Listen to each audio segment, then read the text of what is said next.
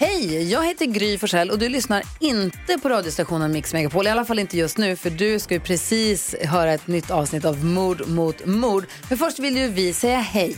Hej, hej, det här är NyhetsJonas. Det här är Carolina Widerström. Och här är gullige dansken. Ja, och så Gry då. Och det vi vill säga att när du har lyssnat klart på den här podden, då får du gärna lyssna på våran. Vi spelar in ett nytt avsnitt varje morgon av våra podd Kvartsamtal.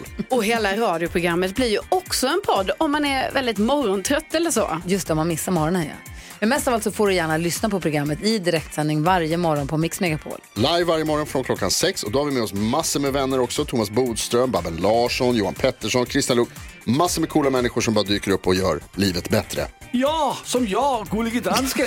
Exakt så. Och så mycket bra musik och annat skoj såklart. Så vi hörs när du vaknar på Mix Megapol. Podplay. Okej. nu tog du fram din mobil direkt. Det här är varför vi aldrig spelar in tillsammans. Det här kan du bara göra när vi är på länk. Jag ser dig! Nej!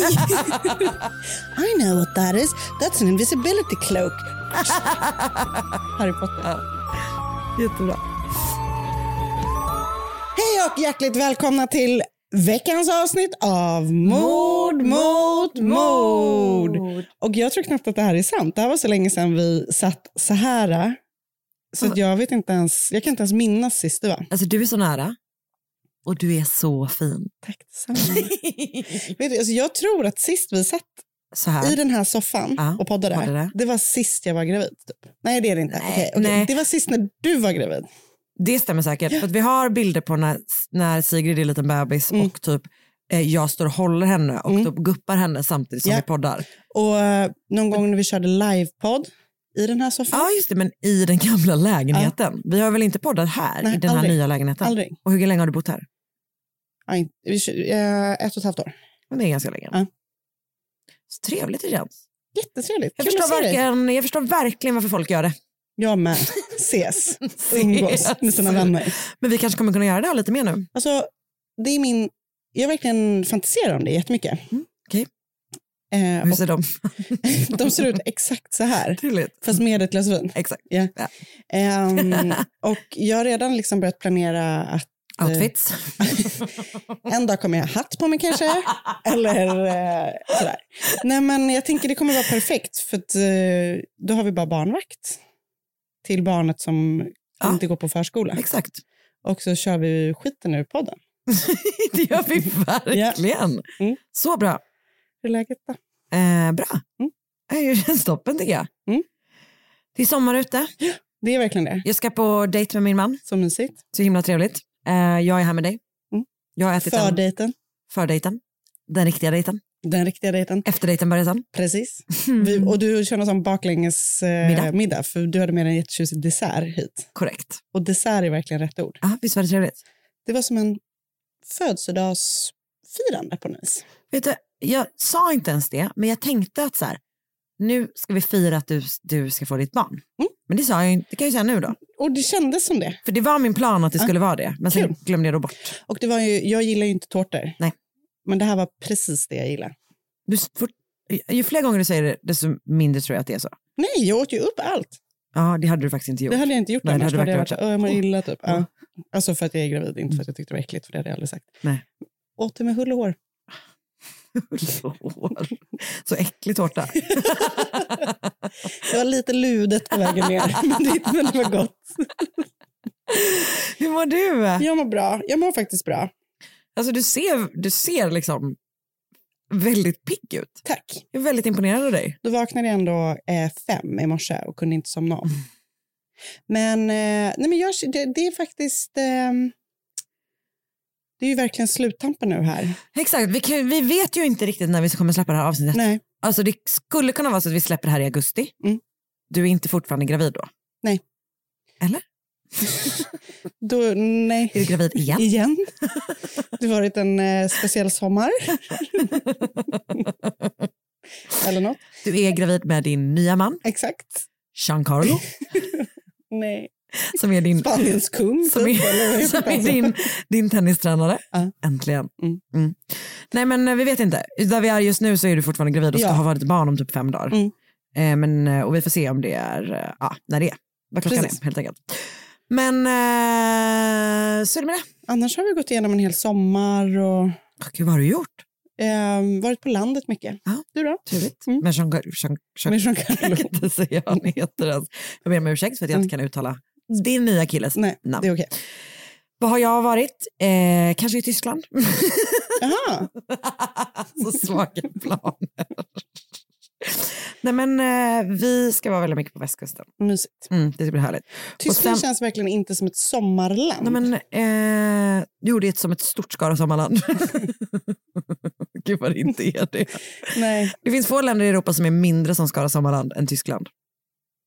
Det vet jag i och för sig inte om jag håller med om. Okej, vilka tycker Många du? länder Vilka då? som jag inte har varit i som jag tänker, Är mindre än, ja, Ja. säg det. eh, Tjeckien? Mer, mer, Eh, mer Skara sommarland tycker jag. Tycker du? Ja. Okej. För eh, Tyskland har noll av Skara sommarlands liksom, hittepå-känsla. Okej, du tänker Och så. också inget kul. Dit Jo. kanske vi ska åka. Okej. Nej men vi har upptäckt att man kan ju, det borde jag ju känna till då eftersom jag har bott i Göteborg i cirka 28 år av mitt liv. Det går en båt till eh, Tyskland från Göteborg. Ja. Så tänkte vi kanske åker Kul. dit. Var landade den? Kiel. Tyskland Skara sommarland. Mm, kul. Min mamma tipsade mig väldigt mycket om ett område ganska nära Kiel som hon envisades med att kalla för Lilla Schweiz. Men Jag Det lät ju underbart. gjorde det verkligen det? Ja. Och man bara, ja, jag eh, längtar verkligen så mycket till Schweiz men jag vill inte lämna Tyskland. Har ingen sagt Men det är någonsin. säkert billigare i... Det, är tydligen väldigt fint. Mycket sjöar. Men Schweiz är ju otroligt vackert. Men jag bryr mig inte så mycket om det. Nej, okej. Du vill bara ha en schysst rutschkana. Jag vill bara ha, exakt. Fan, jag kanske bara ska åka slide. till Skara Ska du som- Jag har sommarland. aldrig varit där. Det har Låt varit min dröm. Verkligen, bra. Mm. Jättebra. Eh, ja, Bra, trevlig sommar vi har haft. verkligen vad kul det var när vi var på Skara sommarland. vad tråkigt det var när du trillade ur de här små bilarna. Ja, det var inte kul. Pinsamt. Ehm, ja. Har du eh, liksom, ja, nu, nu är jag tillbaka i nutid. Mm. Tips? Ingenting. Du då? Nej. Nej. Ja, men det är ju det här med Wander, Vanderpump Rules. Ja, det Jag måste säga att det här vädret Ja. gör att jag inte har kollat så mycket på tv också. Och, det är det enda dåliga med det här vädret. Det är det enda dåliga. Ja, jag håller helt med. Vi följer ju Robinson slaviskt. Du det du berättade innan att jag kunde fråga dig vad som helst om kokos? För det är det enda de äter. Ehm, så det kan man ju se. Om man vill. Verkligen. Och i augusti är väl det färdigt så då vet väl vi vem som vinner och sådär. Oh, Men det är helt sjukt att eh, alltså jag och Oskar, vi har inte kollat på typ en gemensam serie helt Nej. liksom på kanske sen vi fick barn typ. Eller ja, Oj. sen Siggan typ blev lite större. Jag tycker att det är avgörande.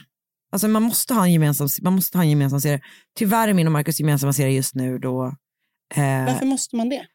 Att det är bra enas kring ett... Eh, Men kring vi har någonting. ju aldrig haft det. Vad menar du att vi har en dålig relation då? Du pratar om dig och mig. Nej, jag och Oskar. Ah, Eftersom vi inte har det. har ni aldrig haft det? Jo, men typ inte på tre år. Men nu har ni det i Robinson. I Robinson. Men det är helt sjukt att vi... Hur känns det? Och bra. Vi, vi har liksom tittat på 36 avsnitt ihop. Det är helt sjukt. Så jävla Ja. många. Men jag tycker inte det är... Vi tittar ju på tv ihop. Ja, men det gör ni. Ja, ja, Ah. absolut. Men vi liksom följer inte en Nej, serie fattar. ihop. För att vi tittar, jag vill ju bara se ett avsnitt åt gången. Ja, du, just det, du är ingen bingeare. Nej, Och ska vi bingea? och Oskar vill det. Jag förstår. Så ofta börjar vi titta och så slutar vi titta. Så vi tittar på massa saker ihop, men vi följer inget tillsammans. Ah, för att han vill titta vidare och du vill titta på. Jag förstår, så ni börjar tillsammans. Mm. Det är lite som en sån turtle and the hare Mm. Det situation. funkar jättebra för Ah, oss. gud vad härligt. Jag tycker det lät trevligt. Men har ni liksom i slutet en sån, eh, eh, liksom, och träffas ni igen och pratar Ibland. mysigt? Mm. Ja, För så känner jag ju nu när du har börjat kolla på Vanderpump Rules. Mm. Att jag har legat före, samma sak. men nu kommer du ikapp. Det gör ju Och det ingenting. gör mig så glad. Men eh, Robinson, Är det bra? skitspännande. Eh, min vän Camilla, Mm. hon har ju en Robinson-podd vet. tillsammans med Elinor Jag från vet. Vad blir mord? Mm. Och Robin också. Jag Mm. kände taskigt när jag bara sa två. Jag har inte lyssnat på det, här, men det kanske jag faktiskt ska Ah, göra. det kanske att, du faktiskt eh, ska göra. Jag undrar om de tycker samma sak om vissa deltagare Mm. som jag tycker. Det kanske kan bli den serien som du och Oskar följer tillsammans. Alltså inte bara Robinson, utan Robinson-podden. Mm. Vem vet? Vem vet? En helt ny värld är öppnad Verkligen. och den är full av kokos. Jajamän. Hade du något tips? Nej, ska vi köra? Ja. ja. Ett poddtips från Podplay. I fallen jag aldrig glömmer djupdyker Hasse Aro i arbetet bakom några av Sveriges mest uppseendeväckande brottsutredningar. Går vi in med hemlig telefonavlyssning och, och då upplever vi att vi får en total förändring av hans beteende. Vad är det som händer nu? Vem är det som läcker? Och så säger han att jag är kriminell, jag har varit kriminell i hela mitt liv men att mörda ett barn, där går min gräns. Nya säsongen av Fallen jag aldrig glömmer på Podplay.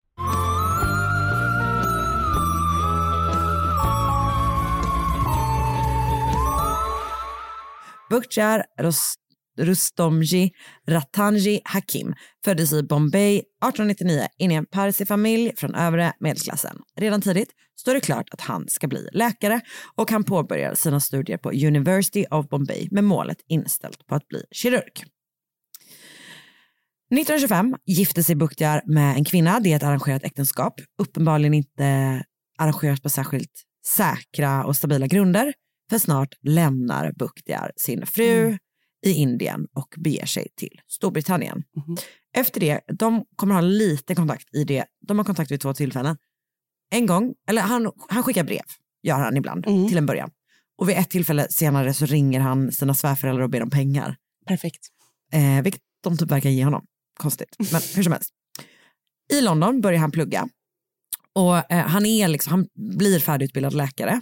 Och 1927 så flyttar han till Edinburgh för att vid, vidareutbilda sig till just då kirurg.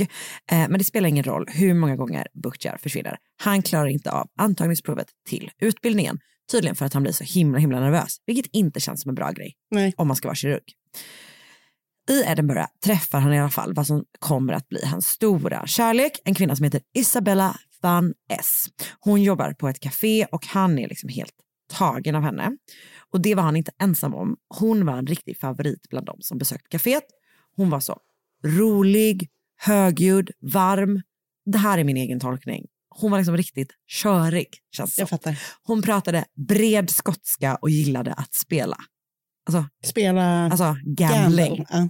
Alltså hon, eh, Ja, hon var på gång. körig. ja. alltså verkligen. Och typ att det är så här, det är, alltså hon, hon är en sån som när hon märker, när hon kommer in i ett rum så är alla så här, ja, verkligen. Hon har, hon har väldigt mycket karisma Mm. och han gillar det. Ehm, när Isabella föddes så eh, hette hon då eh, Isabella Kerr och hon växte upp tillsammans med sin familj i Falkirk i ett område som ligger mitt emellan Glasgow och Edinburgh. Hon var några år yngre än Butcher, född i februari 1901. Hennes föräldrar eh, John och Lizzie fick fem barn, tre döttrar och två söner. Ehm, och hennes bakgrund var nog liksom lite enklare än hans, än vad Butchers var på många sätt. Och hon hade då flyttat till Edinburgh och vid tiden då hon träffade Butcher var hon gift. Ehm, Hon hade nämligen en kortlivad, intensiv förälskelse Ja. med en holländsk sjöman. Jajamän. Jajamän, han hette då Van S och de gifte sig några veckor efter att de träffats och snart så hoppade Van S på en båt och försvann. Oj. Det verkar som att Undrar om han visste det hela tiden eller om han... jag tror inte att, han, att hon var den enda. Nej. Han hade en, Han hade fru, en fru i varje varje hamn. Exakt. Ehm, och jag vet inte om de träffas någon gång överhuvudtaget igen. Alltså, Eller om ja, bara är de har setts någon gång. Ja, exakt, exakt. De har en sån whirlwind romance som slutar med att de gifter sig. Måste de gifta sig? Jag vet, det är det som är det konstiga. dumt. Ja, liksom. exakt. Nej, men verkligen, verkligen, verkligen. Ehm, 1928 så uppvaktar Bukhtjar Isabella och de blir ihop. Han flyttar till London och snart kommer Isabella efter. Det verkar som att det är då han ringer sina svärföräldrar för att be om pengar för att betala för hennes Jävlar. resa till London. Vad taskigt. Men jag tror att han, de inte, han berättar nog inte för dem Nej, att det det såklart. Det hoppas jag. 1929 så föder hon parets första barn, en flicka som heter Kathleen Elizabeth. Där, därefter flyttar de till Lancaster i nordvästra England, ganska liksom nära gränsen till Skottland och det är då bra eftersom Isabella har en, sin eh, familj eh, på den skotska sidan och framförallt sin syster i Edinburgh Mm. som hon eh, åker och hälsar på ganska ofta. I Lancaster köper de ett hus eh, där familjen bor på de övre våningarna och så ligger liksom hans läkarmottagning i bottenvåningen. Mhm. Och i Lancaster så byter han då också namn från Bukhtjar Hakim till Buck Ruxton. Vilket Yeah. är, eh, alltså det låter som en cowboy så himla mycket. Mm. En riktig cowboysare. Back. Buck Rockstar. Tydligen har han typ, alltså han är till Buktjar, han har typ haft, han har kallats lite för det kanske. Mm. Um, Buck Rockstar. Och de är ju inte gifta med varandra. Nej. Hon, är, han är, hon beskrivs som hans sån common law wife, Mm. vilket gör att man elever lever som att man är gifta, men man inte är det. Typ. Sambo det, är ju för, det är ju för att båda två har Ja. båda två gifta sig innan. sig. Så det är liksom.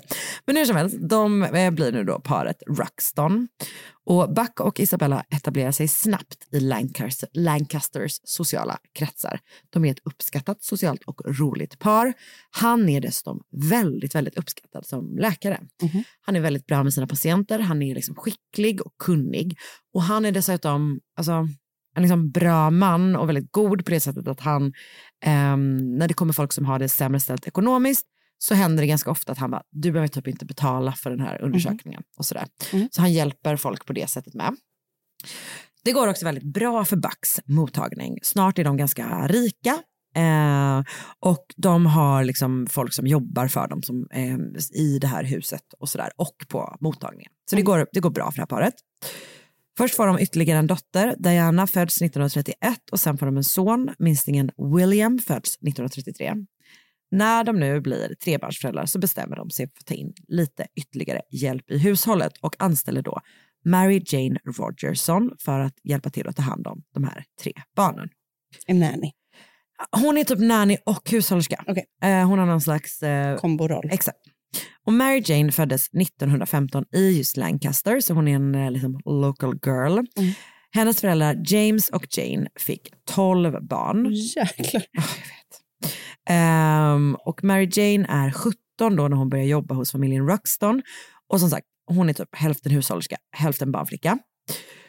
Och det här är kanske inte det enklaste eh, jobbet, för allt är då inte som det ska vara i Ruxton-familjen. För utåt sett så har de ju, går allting väldigt bra och som sagt de är väldigt omtyckta. Men bakom stängda dörrar är Buck en svartsjuk, kontrollerande och våldsam man som, alltså det känns väldigt mycket som att allt det som han blev kär i med henne, Hatar han sen. exakt, Classic. det är som att så här, den typen av man är så här, Mm. de vill ha allt det för sig själva typ. Mm. Alltså förstår du? Eh, Det, känns, det där känns typ som att det är ganska vanligt. Ja, exakt. Jo men och grejen är typ att det verkar inte riktigt som att så här, för det kan ju absolut bli så att man, du vet, när, framförallt när man väl bestämt sig för att typ göra slut med någon. Ja, nej, då hatar ha- man då ju hatar allt. man, ju- ja, Absolut. och, man, och man typ ganska ofta hatar det som man blir kär i från början. Absolut. Mm. Men det här är något väldigt, alltså just det här att vilja kontrollera det som drog in en från början. Som är fairy dusten. Exakt, ja, men det är något så jävla hemskt med det, verkligen. Det är ju mansgrisigt. Ja, och han är ju liksom verkligen next level mansgris Mm. kan man säga.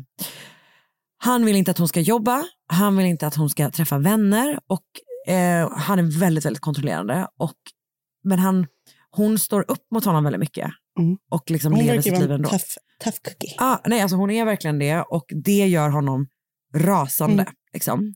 Och de anställda i huset blir vittnen till både fysiskt och psykiskt våld. Alltså han gör vidriga grejer mot henne Mm. verkligen. Ehm, och vid flera tillfällen så tar också Isabella med sig barnen och typ flyttar till sin syster. Men som manipulativa människor tyvärr så ofta gör så övertalar henne att typ komma tillbaka om och om igen. Och hon älskar verkligen honom, men den bra versionen av Mm. Den versionen han plockar fram när han vill att hon ska komma Mm. hem igen. I september 1935 så verkar det dock som att Isabella till slut lyckats ta sig ur den här hemska relationen. Det är åtminstone vad Buck säger när folk undrar var hans fru är. Hon har då lämnat honom och barnen eh, och han säger att så här, hon har antagligen åkt till sin syster eller så pratar han om att hon kan ha haft en affär och typ Mhm. flyttat till en annan man. Men Mary saknas också och i slutet av september så får då Buck besök av Marys föräldrar som undrar var hon är. För hon har inte hört av sig och det är väldigt, väldigt olikt henne. Mm. Hon eh, bor också hos familjen eh, Ruxton sex dagar i veckan. Och så hon jobbar sex dagar i veckan och är ledig en dag. Och hon bor hos dem på nästan heltid liksom. Eh, men har inte kommit hem och hon har heller inte typ skrivit och det är väldigt, väldigt olikt Mm. henne. Hon har nära relation till sin familj. Ehm, och när de går då till eh, honom och frågar vart hon är så säger han att Mary har haft en affär med någon ung kille och blivit gravid. Och Isabella har då hjälpt henne att eh, fixa en abort, ehm, vilket är olagligt då. Mm. Så att hon har, de har åkt iväg, åkt iväg någonstans för att hon ska göra den här aborten. Liksom. Okej. Ehm, men det går några dagar och den första oktober är de tillbaka hos Buck för att fråga efter Mary och då får de istället höra att hon och Isabella har stulit pengar från honom och åkt på ja, men typ en resa tillsammans. Alltså de har liksom dratt iväg tillsammans och han säger så här, de kommer säkert tillbaka när pengarna är slut. Mhm. Dagen efter eh, går de till polisen och anmäler Mary Jane Rogerson saknad. För de tror liksom inte på hans alltså, historier helt enkelt. Den 29 september, alltså två dagar tidigare, går två kvinnor på en morgonpromenad utanför Moffat som är en liten stad på andra sidan den skotska gränsen. Eh, det här är alltså över 17 mil från Lancaster så det är ganska långt bort. Liksom. När de då gör en fruktansvärd upptäckt. För när de tittar ut liksom på, ut, från, ut, på utsikten från en så gammal stenbro över ån Gardenome Lynn ser de något de inte förväntat sig. För nere på flodbanken ligger några märkliga pa- paket som är typ invirade i gamla tidningar, i tyg, i kläder. Jag tror att det är fyra stycken liksom olika. Sådär. Och när de liksom spanar ner och försöker se vad det är så inser de då att det sticker ut något ur Mm. ett av paketen. Och det är då en människohand. Polisen tillkallas. Ja, jag vet. Eh, polisen kommer dit och som sagt, de hittar fyra paket innehållandes olika, olika mänskliga kvarlevor. Och alltså det är så här, ofta när man pratar om liksom styckmord så är det så här, man hittar typ en hand, typ Mm. ett ben. I det här fallet så är det, det är liksom mindre delar. Det är typ så här, här är en bit alltså människokött. Det är mycket så liksom. Eh, men det är också då ben, eh, det är en pelvis, det är en överkropp, eh, händer och två huvuden. Men det är dock tydligt att någon har gjort allt i sin makt för att man inte ska kunna identifiera kvarlevorna. Man har tagit bort hud, Ja. avlägsnat fingeravtryck, dragit ut tänder, alltså skurit av typ öron, Åh, tagit bort ögon, alltså läpp, alltså allting liksom. Det är både ett väldigt, väldigt brutalt arbete, men det är också liksom väldigt effektivt utfört. Ja. Och ganska snart så drar man då slutsatsen att den som har gjort det här måste vara medicinskt utbildad. Mm. Och det tänker man eh, också eh, att det, det verkar vara gjort med, med kniv, liksom, med Mm. typ skalpell i stor del. Vilket man tycker också då tyder på att alltså man har typ inte använt en såg till Nej. exempel. Alltså fy vad äckligt. Polisen i Lilla Moffat inser då att de kommer att behöva hjälp med den här utredningen och gör något som vi ju eh, ändå älskar när en poliskår gör. De ber om hjälp. Jättebra. Jättebra. Och det här är alltså, det är väldigt, eh, det är otroligt hur de ber om hjälp. Alltså de kallar in både utredare från Glasgow och eh, eh, typ Skottlands här, främsta forensiska experter från Mm, universiteten bra. i både Edinburgh och Glasgow. Och tydligen eh, har liksom den skotska poliskåren har just, de har någon jävla hjälte där som har verkligen så moderniserat det jättemycket och typ drivit på den utvecklingen. Så de är ganska så här, De är de är up to speed liksom. Mm. Eh, och även då att man använder just de här experterna på universiteten. Alltså, det är nästan som att man sätter ihop lite av ett så superhjältegäng. Som är så här, du vet, ehm, in forensics, du vet, och så bara, in anatomy, in dental. Ja. Alltså verkligen så typ. Som, som kommer då hjälpa till att undersöka det här fallet. Eh, och det här fallet kommer ganska snart att börja kallas för både ehm, Bodies under the bridge men också the jigsaw murders, alltså pusselmorden. Eftersom utredarna liksom literally typ tvingas lägga pussel med kroppsdelarna de hittat. Det här utredningsteamet, alltså de kommer att göra underverk. Och det här är också verkligen ett sånt fall där man kan säga att här, polisen gör allt rätt. Mm. Från början, alltså, även den här första polisen som ju uppenbarligen aldrig varit med om något sånt här, liksom, en helt vanlig typ landsortspolis, han är så här, han, vet, han säkrar brottsplatsen, han typ ehm, han ritar typ skisser på hur allting ser ut när han hittade, alltså han är verkligen så här, Han är ju noggrann. han är jättenoggrann och liksom redan från början, typ, han förstår så här, här, du vet hur det alltid är när man hör om, om fall att man bara, sen klampar de in och lät hela Typ trakten spolar av klampa allting in. med dusch. Typ. Exakt med högtryckstvätt. De uppfann världens första högtryckstvätt. Men då han gör verkligen inte det här och sen Så, så, och även liksom alla de här experterna, de gör en sån jävla jävla jobb då. Eh, och man hittar över tid fler kroppsdelar, totalt 70 delar eller bitar och först kommer man fram till att det man har hittat är en man och en kvinna. Efter ett tag upptäcker man att det faktiskt är två kvinnor. Mhm. Hörde, det finns vissa, vissa källor så upptäcker man det för att man inser att man har tre bröst. Eh, jag vet inte. Man använder också ny forensisk forskning för att säkerställa åldrar eh, och kommer då fram till att en av kvinnorna är i sena tonåren till tidiga 20 Mm. och den andra är mellan 35 och 40.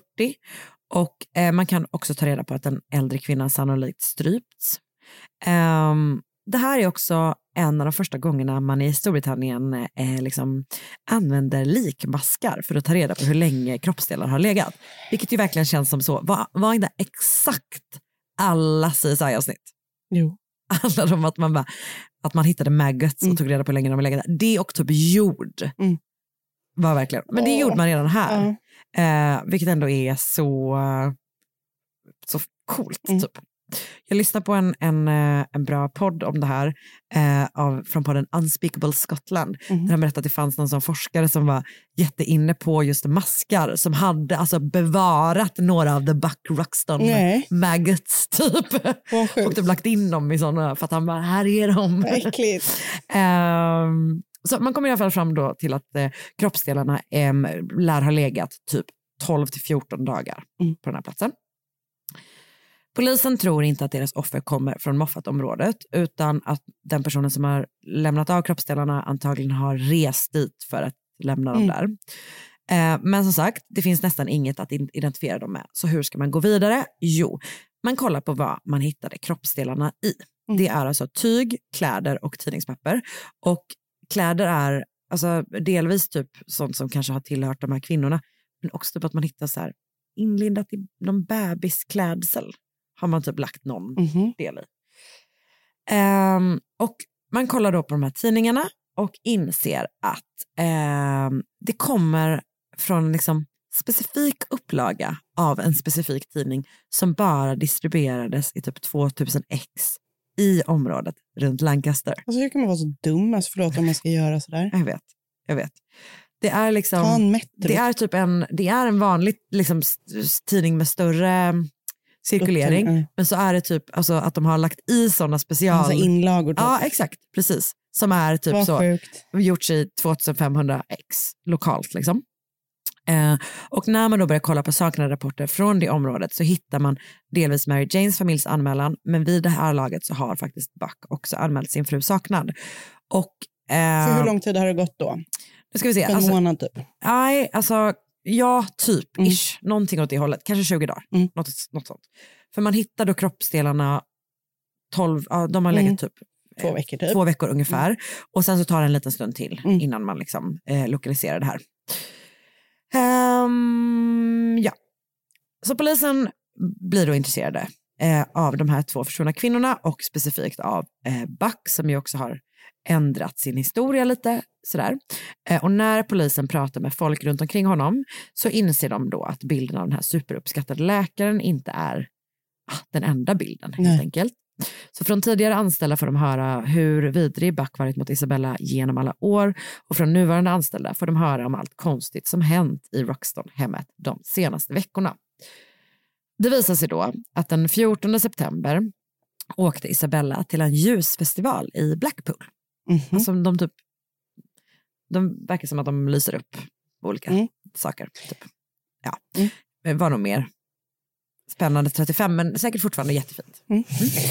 Eh, trots, eh, och han ville ju då förstås inte att hon skulle åka dit för Nej. han ville inte att hon skulle göra någonting men hon gjorde det ändå. Och när hon åker därifrån, hon är liksom där med sin syster och sen åker hon därifrån och det verkar vara sista gången som, alltså det finns vittnesmål om att man Mm. har sett henne vid liv. Dagarna efter det eh, så ger Buck först personalen ledigt och lämnar också sina barn hos en bekant. Och han tar absolut emot en del eh, patienter på mottagningen men håller också på med lite olika projekt eh, i huset kan man säga. Mhm. Så ett par dagar senare, eh, om det är typ så den 17 kanske, 17 september, så ber han faktiskt en eh, anställd komma och hjälpa honom att städa huset. Och eh, då är huset i sånt kaos att hon bara, vad fan är det som pågår? Så mattan, alltså hela mattan i trappan är typ uppriven. Han bara, vi ska lägga en ny matta. Liksom. Mhm. På vid olika fläckar i, det, mattan är uppriven på flera ställen med. Och det är liksom är, på vissa av de fläckarna där det inte finns någon matta så ligger det typ halm. Liksom. Okej. Eh, och det sticker också typ ut halm under någon liksom stängd dörr. Alltså jättekonstigt. Och eh, hon hittar också högar med fläckad matta som typ ligger på olika ställen i huset. Hon hittar en fläckad kostym som han säger till henne att hon kan ta och ge till sin man eh, om han bara, hon bara tar bort eh, namnlappen, att det står Buck Roxton. Det är som att han har haft den på dagis. Eh, Och så är det en katt bredvid som alltid är. Och eh, så att, så att hon, han bara, du, du kan ta den och ge den till din man. Att tvätta bort blodet och... eh, Ja, exakt, om du får bort fläckarna så bär, då är det bara att go right ahead. Typ. Och i trädgården så ligger också mer matta och fläckiga handdukar som det verkar som att Buck har då försökt elda upp. Ser onekligen misstänkt ut. Jag skakade på huvudet, det såg du nu. Ah, jag såg det, det var så härligt att se. Mm. Ehm, ännu mer misstänkt blir det när polisen kollar igenom sina anteckningar från tiden då maskarna sagt, konstigt skrivet, sagt att kropparna måste dumpas. Är. Detective, detective. They can speak. nej, nej de, de, vänta, de är skotska maskar. Mm. Detective, Jag gillade den. I've andra. been here. I've been here for two weeks. Bra. Skotsk mask. Skotsk. Lik mask. Varsågod. Håll till godo. Sånt här får du inte över telefon. Nej, verkligen. Det kändes verkligen som en treat.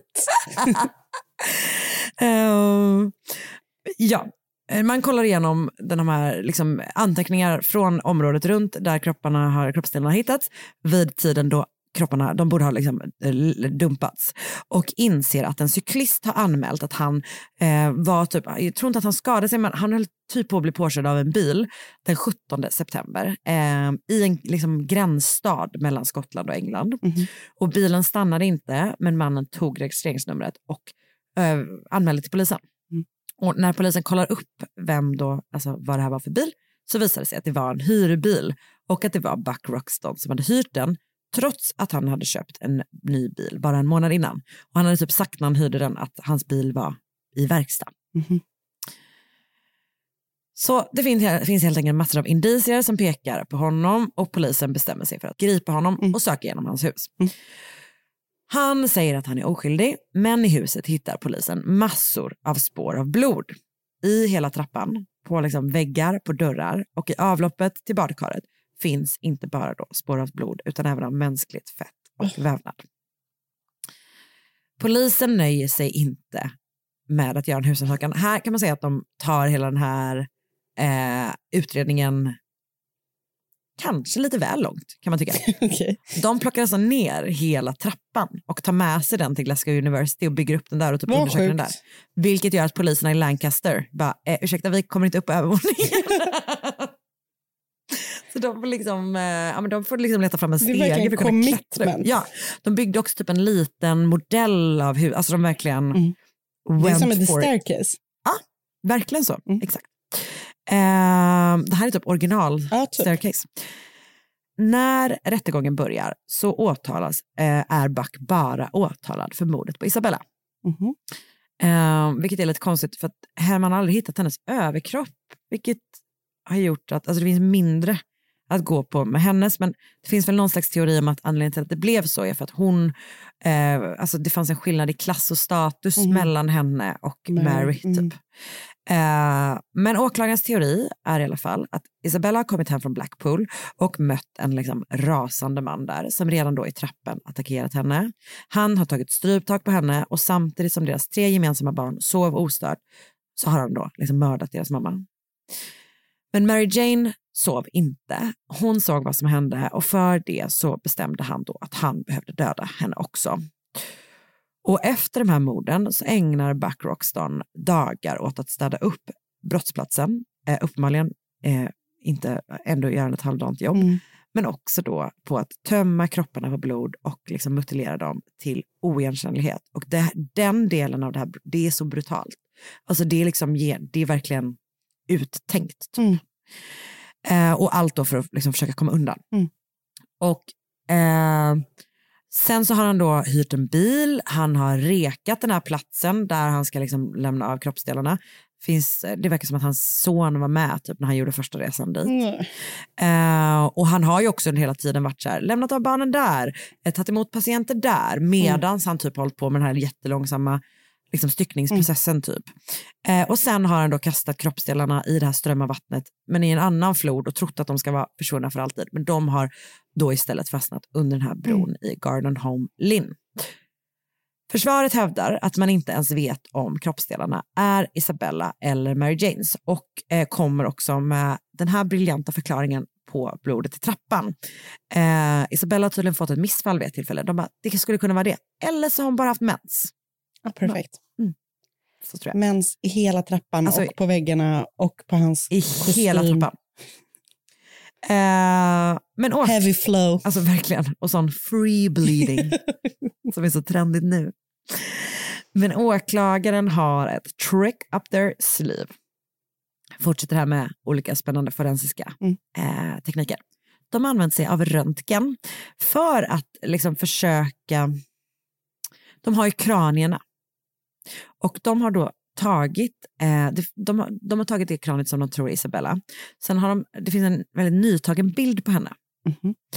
Ehm, och så har de liksom positionerat eh, bilden och kran, eller kraniet på samma sätt som bilden och liksom på något sätt eh, fört ihop de här bilderna för att då komma fram till att det här kraniet liksom Det match, att det är hon. Mm. Jag ska visa dig en bild Gud, på hur det ser ut. Vänta. Det, det ser faktiskt ganska spännande ut. Okej, så här. Kolla.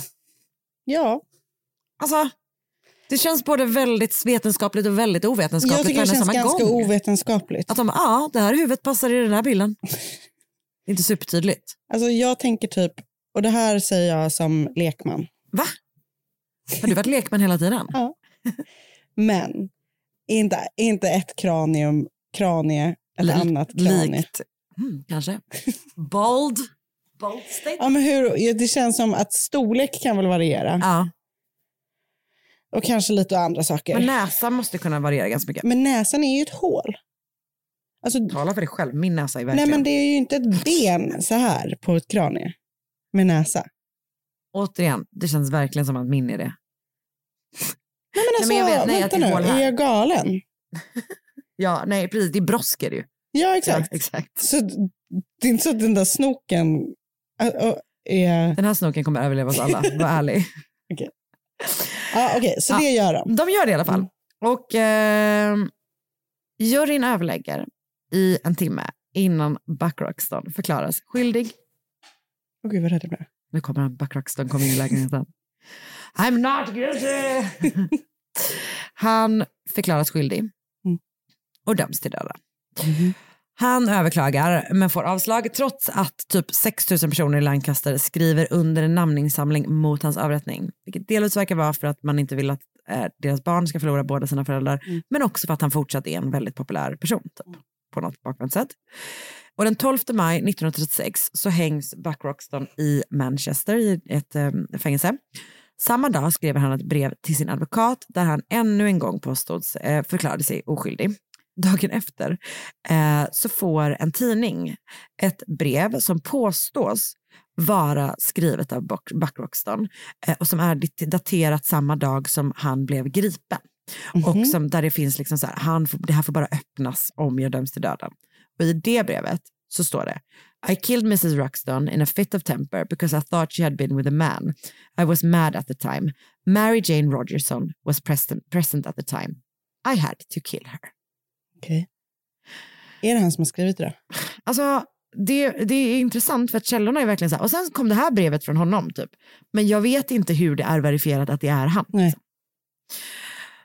De här barnen vet man typ inte vad som hände med dem. Eh, det har liksom alltid hållits hem, hemligt. Typ. De verkar som att de hamnar i någon slags fosterhem. Eh, och de är ju födda typ, ja, vad sa vi nu, 29, Mm. 31 och 33. Mm. Så att de är väl... Som min mormor typ. Ja, exakt. Mm. Precis. Jag har då lyssnat på, om man vill fördjupa sig i det här och det finns jättemycket om just all så forensisk teknik och sånt Mm, som de spännande. använder som verkligen är så här Back in the days edge. Mm. Ja, och att den verkligen är helt ny. Mm, och att det, är så här, det känns som att de, de, de verkligen testar så mycket. Mm. Eh, och eh, jag har då lyssnat på alltså, två bra poddar där man liksom kan höra mer om det här. Unspeakable Scotland som är typ en härlig skotte som eh, berättar om det på lite sånt eh, storytelling-vis Mm. typ en annan person. Och sen så har jag också hört då på Dark Histories, så de har båda två liksom en timmas avsnitt om det här. Ehm, och sen har jag också läst på Murderpedia. Eh, Jag har läst eh, Giancarlo Rinaldi för BBC. Vad säger jag sa att din tennis... Ja, jag tänkte säga, det var där, du var klart inspirerad av Ja, kanske. den Av mina egna källor. Sen har jag läst på Glasgow Police Museums hemsida eh, och sen så har jag eh, läst på findagrave.com för både Isabella Kerr och Mary Jane Rogerson och förstås också på vår vän Wikipedia. Härligt. Det var det. Eller härligt, fruktansvärt. Mm. Men tack. Tack ska du Bra ha. jobbat. You're up baby. Bitch. You're up baby bitch. Poddtips från Podplay. I podden Något Kaiko garanterar östgötarna Brutti och jag, Davva, dig en stor dos skratt. Där följer jag pladask för köttätandet igen. Man är lite som en jävla vampyr. Man har fått lite blodsmak och då måste man ha mer. Udda spaningar, fängslande anekdoter och en och annan arg rant. Jag måste ha mitt kaffe på morgonen för annars är jag ingen trevlig människa. Då är du ingen trevlig människa, punkt. Något Kaiko, hör du på Podplay. Därför är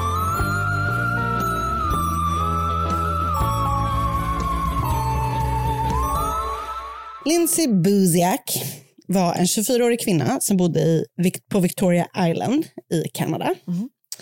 Eh, hon eh, är från Kanada. Jag tror inte från Victoria Island. Hennes familj bor i alla fall inte där när hon bor där nu som ung vuxen. Men det är liksom, hon kommer från en så här trevlig, va- vanlig familj. Trevlig familj. Så som man pratar om såna barns vänners familjer. Eller? Alltså, jag vet inte, mina, mitt barn har inga vänner. Nästa, spaden. Bara. Ehm, hon beskrivs som en så här, väldigt omtänksam, utåtriktad, omtyckt person. Och typ hon, jag, lyssnade på eh, en podd där de pratade om det här och då så beskrivs, hon och hennes kompisar brukar så här, låtsas att de är ett Sex and the City-gäng. Och hon är Carrie då, allas kompis. Jag vet. Jag vet Folk tror ju att det är en bra att det är sak. positivt. Ja, Vi tycker inte det. Nej. Hon är ju egotrippad. Lindsay verkar inte vara det. nej, nej, utan det är typ att det är så här, hon är lite som mittpunkten. Hon är, Exakt. Ja, jag fattar. Ehm, hon arbetar då som mäklare och eh, har liksom velat bli det länge. Hon drömmer då om att dra in riktigt stora pengar. Liksom. Mm. För redan då, 2008, så kunde man tjäna grova pengar såklart på att sälja hus och Mm, lägenheter. Mm. Ehm, och det verkar som att hon, alltså givet då hennes personlighetsdrag så var hon väldigt duktig på det. Hon säljer bra. Liksom. Ja. Men efter, hon är i början på sin karriär, så hon får väl sälja lite mindre listings. Och så här. Jag tycker också hela mäklarbranschen i USA, verkar- jag, jag kollar inte på de här, gör du Jag det? Sunset Ja, jag kollar på dem.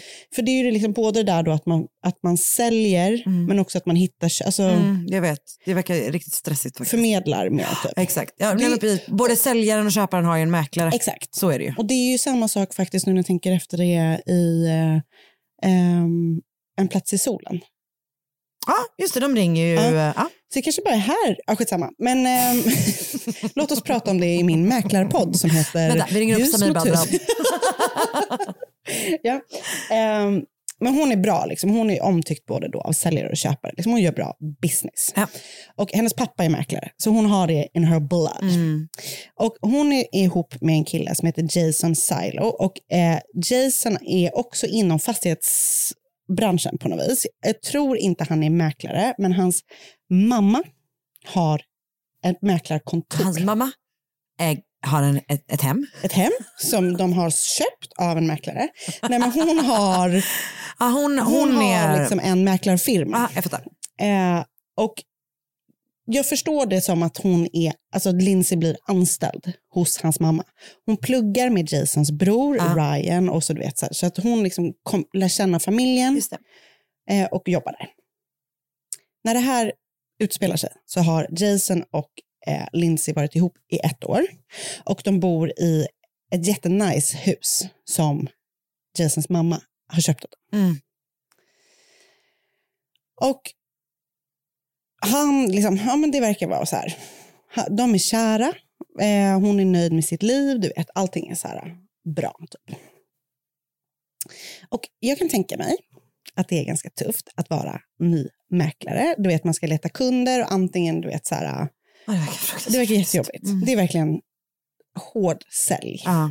Eh, så jag gissar att hon känner att hon får värsta jackpotten när hon i januari 2008 blir uppringd av en potentiell kund.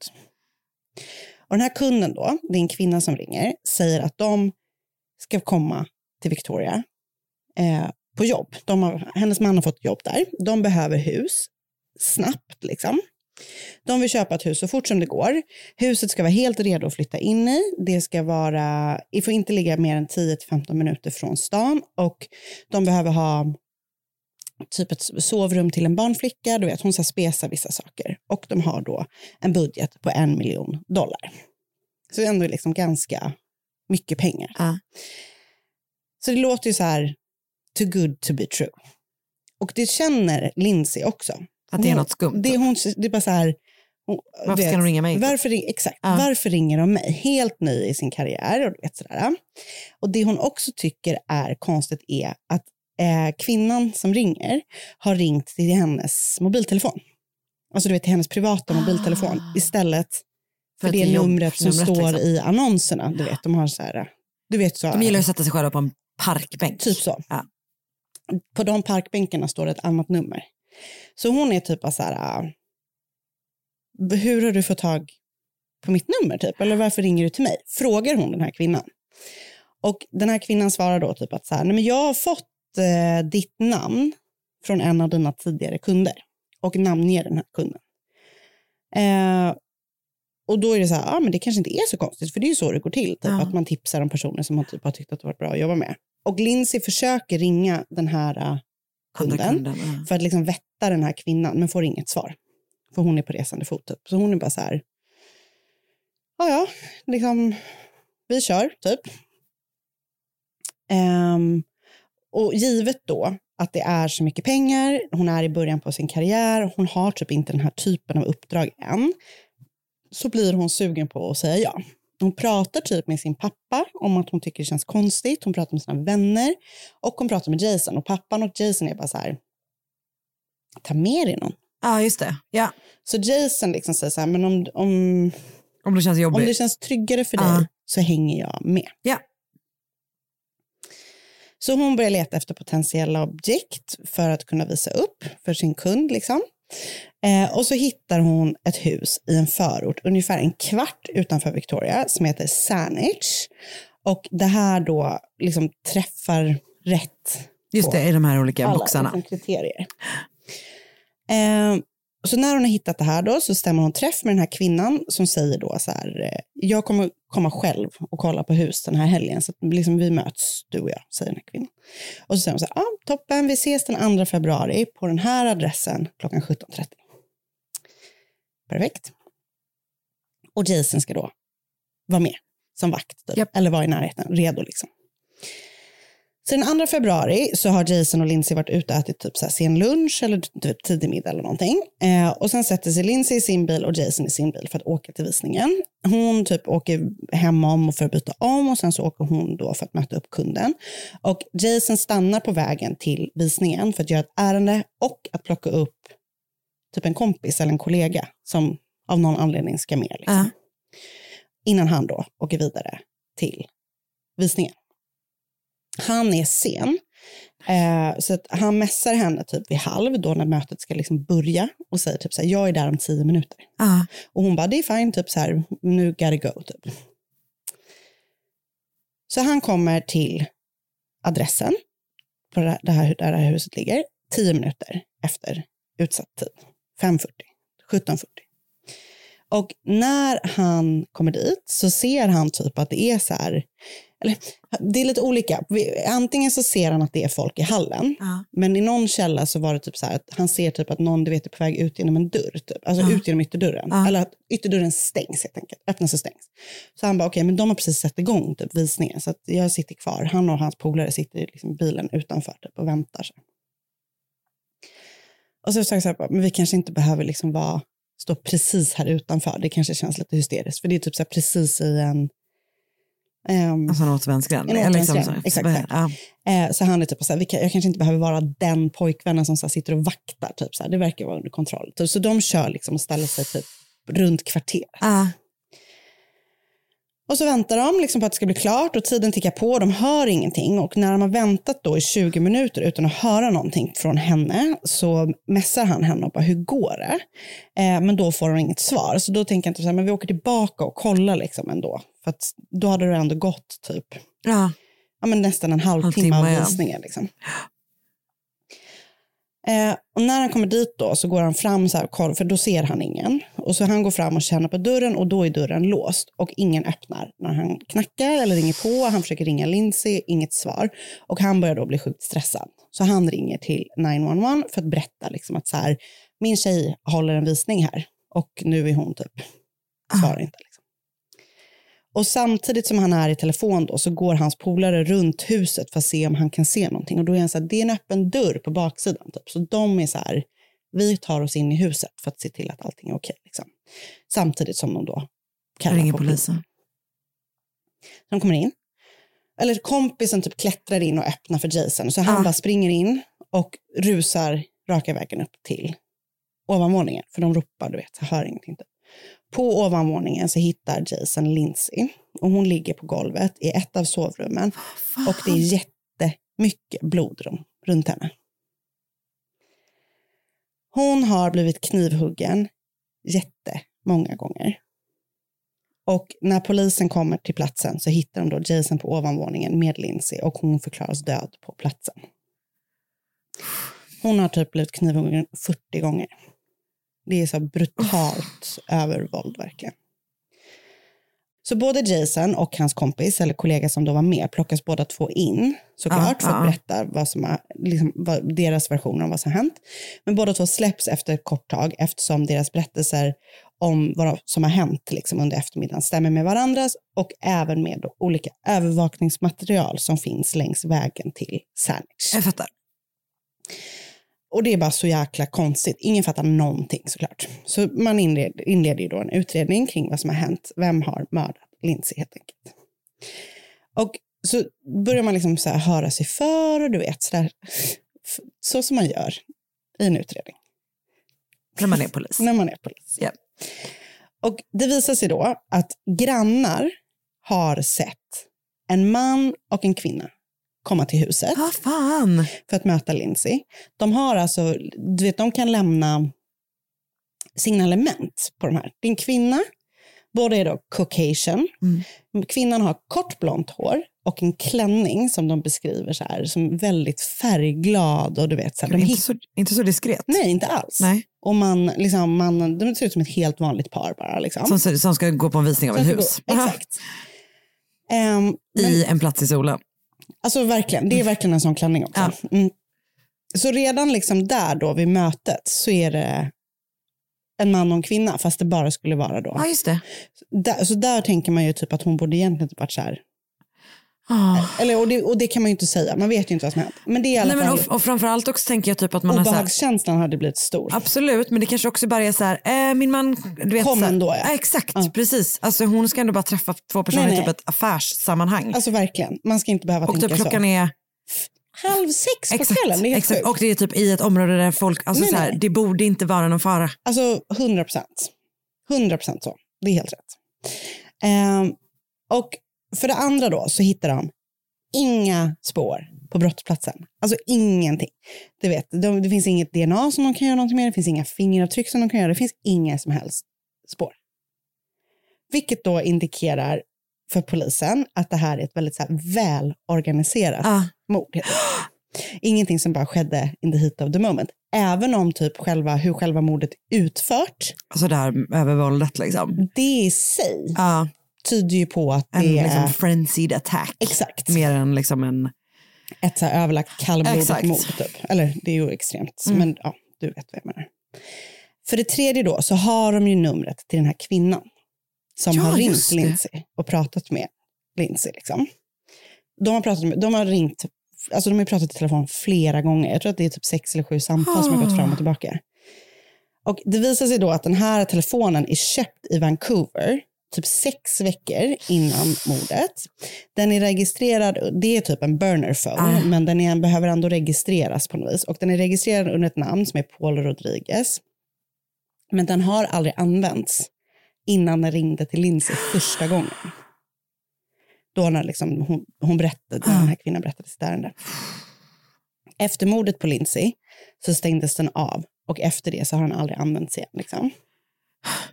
Det här namnet leder inte polisen någonstans och adressen som de har reggat då är en riktig adress, men Men det, det- ligger typ en ICA-affär där eller vad som helst. Och trots då att mordet skedde mitt på ljusa dagen så finns det liksom, det finns ju vittnen som har sett dem gå in i huset, ehm, men du vet så här, det leder ingenstans. För signalementet är så basic så att det är typ så här, alltså du vet, det, det, det finns ingenting som tar dem vidare.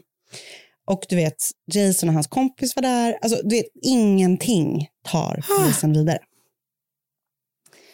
Eh, och än idag, ska jag säga, vet man inte vem som mördade Lindsay. Va? Nej, tyvärr.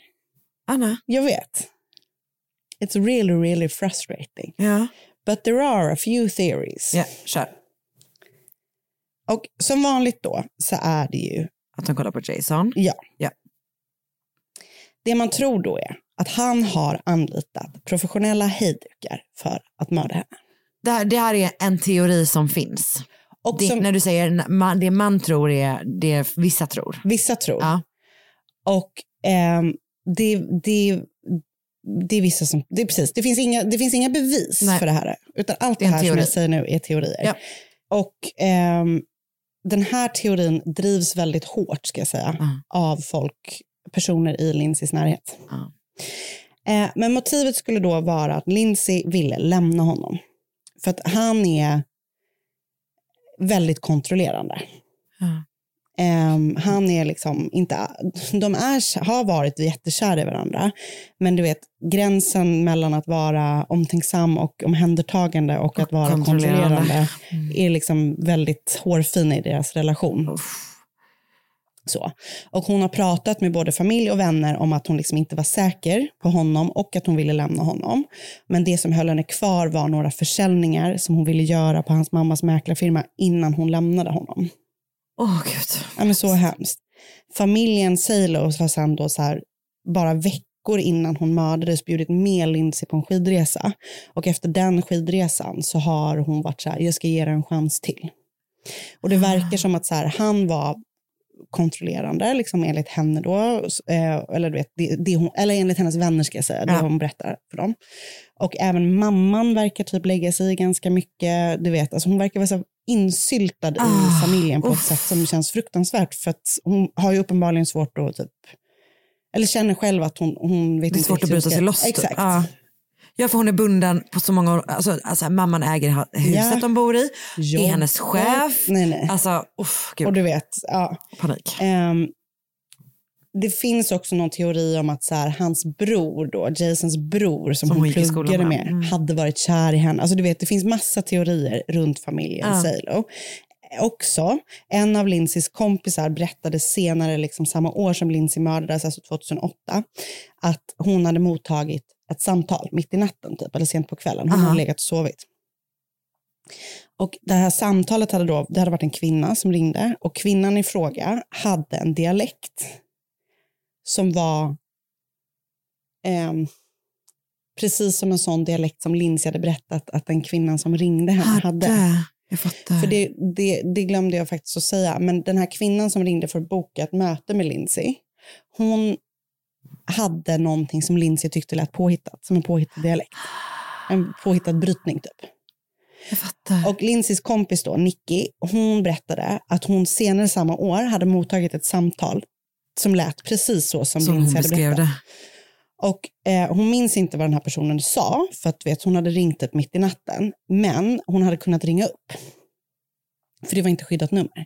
Så hon hade ringt och ringt och ringt och ringt och ringt till det här numret som hade ringt henne. Och till slut så hade hon fått svar. Och den personen som svarade då var Jason Silos mamma. Oj, Skitskumt. ja, verkligen. Och eh, då är Nicky typ bara så här, varför har du ringt till mig? Typ. Och hon bara så här, nej men jag försökte nå min assistent, hon heter också Nicky. Jättekonstigt. Mm.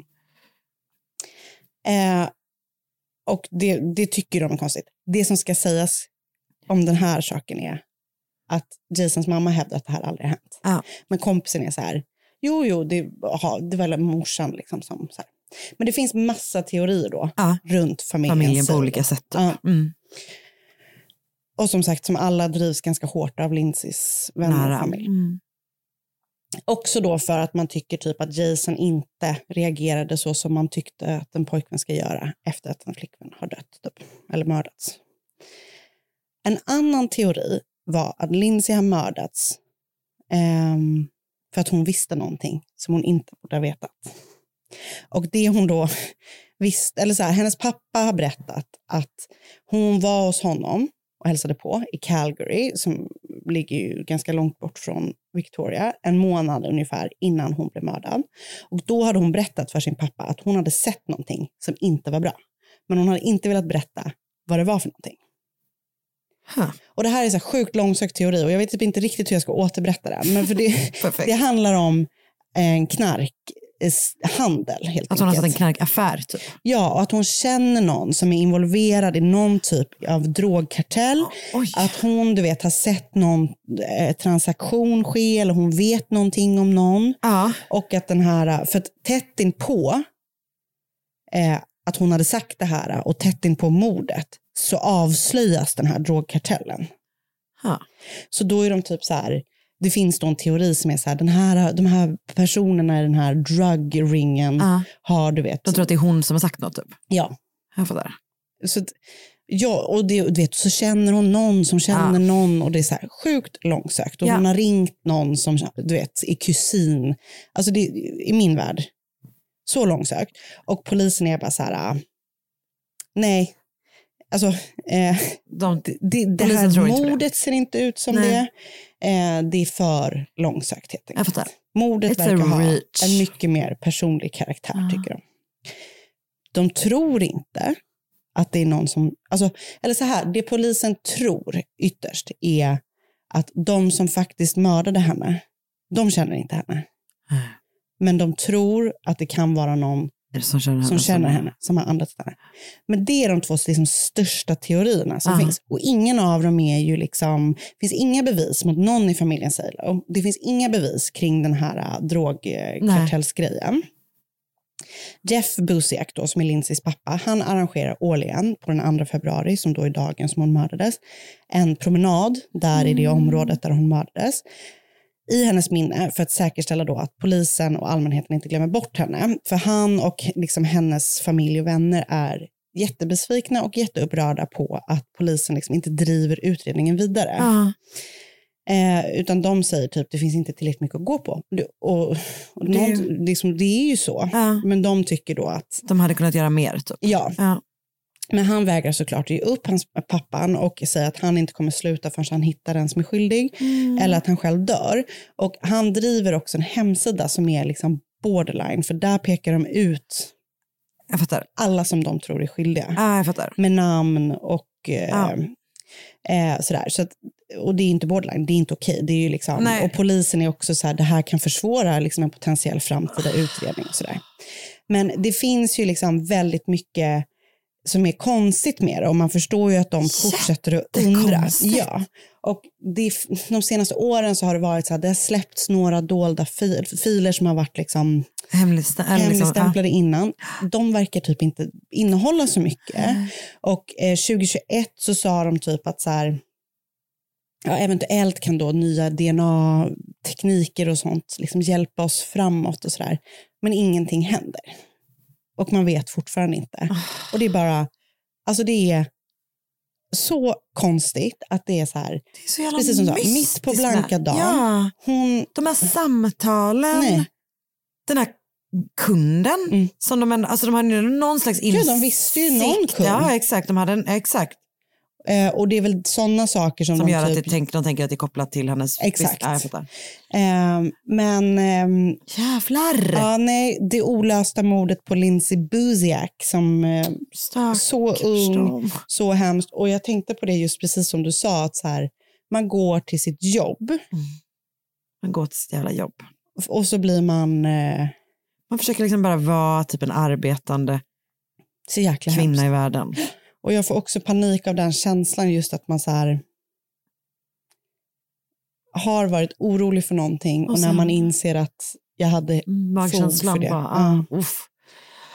Åh, det där var så hemskt. Ja, det är så jäkla sorgligt. Och det, det har, I år släpps det en så här jättelång poddserie Mm. om det här fallet som jag inte har, lyssnat på, men som, jag, som är typ, för det är typ tio avsnitt eller sånt där. Den heter Murder on the Island, The Lindsay Busiak Story. Så den tänker jag att man kan lyssna på om man Mm. Vill. Jag har däremot eh, lyssnat på eh, Casefile avsnitt nummer 28 som heter Lindsay Busiak. Eh, och också en update, från, för det kom 2016. Det är Ah. ett av hans första avsnitt. Eller 28 avsnitt. Ehm, och sen kom det en update 2019 som egentligen inte var så mycket update mer än att de pratade med pappan. Mm. Eh, så finns det ett avsnitt på Dateline som jag har sett och lyssnat på som heter The Dream House Mystery. Lite olika Wikipedia-sidor. Eh, så har jag läst en artikel som heter The Unsolved Murder of Lindsay Busiak av Lawrence Lees på The Crime Wire och sen eh, även eh, lite sidor på Oxygen och sånt där som återkopplar till poddarna och Just avsnitten. Du, tack snälla. Tack själv. Det var faktiskt eh, jättefrustrerande. Hemskt, eller hur? Ja. Ja. Vad konstigt. Mm. Ja, eh, men du, tack. Tack och tack även till er som har lyssnat. Mm. Oavsett när ni lyssnar, var ni lyssnar släpper. och vem ni Du är. är. Hej Okej då! Podplay. Ett poddtips från Podplay. I fallen jag aldrig glömmer djupdyker Hasse Aro i arbetet bakom några av Sveriges mest uppseendeväckande brottsutredningar. Går vi in med hemlig telefonavlyssning och, och då upplever vi att vi får en total förändring av hans beteende. Vad är det som händer nu? Vem är det som läcker? Och så säger han att jag är kriminell, jag har varit kriminell i hela mitt liv men att mörda ett barn, där går min gräns. Nya säsongen av Fallen jag aldrig glömmer på Podplay.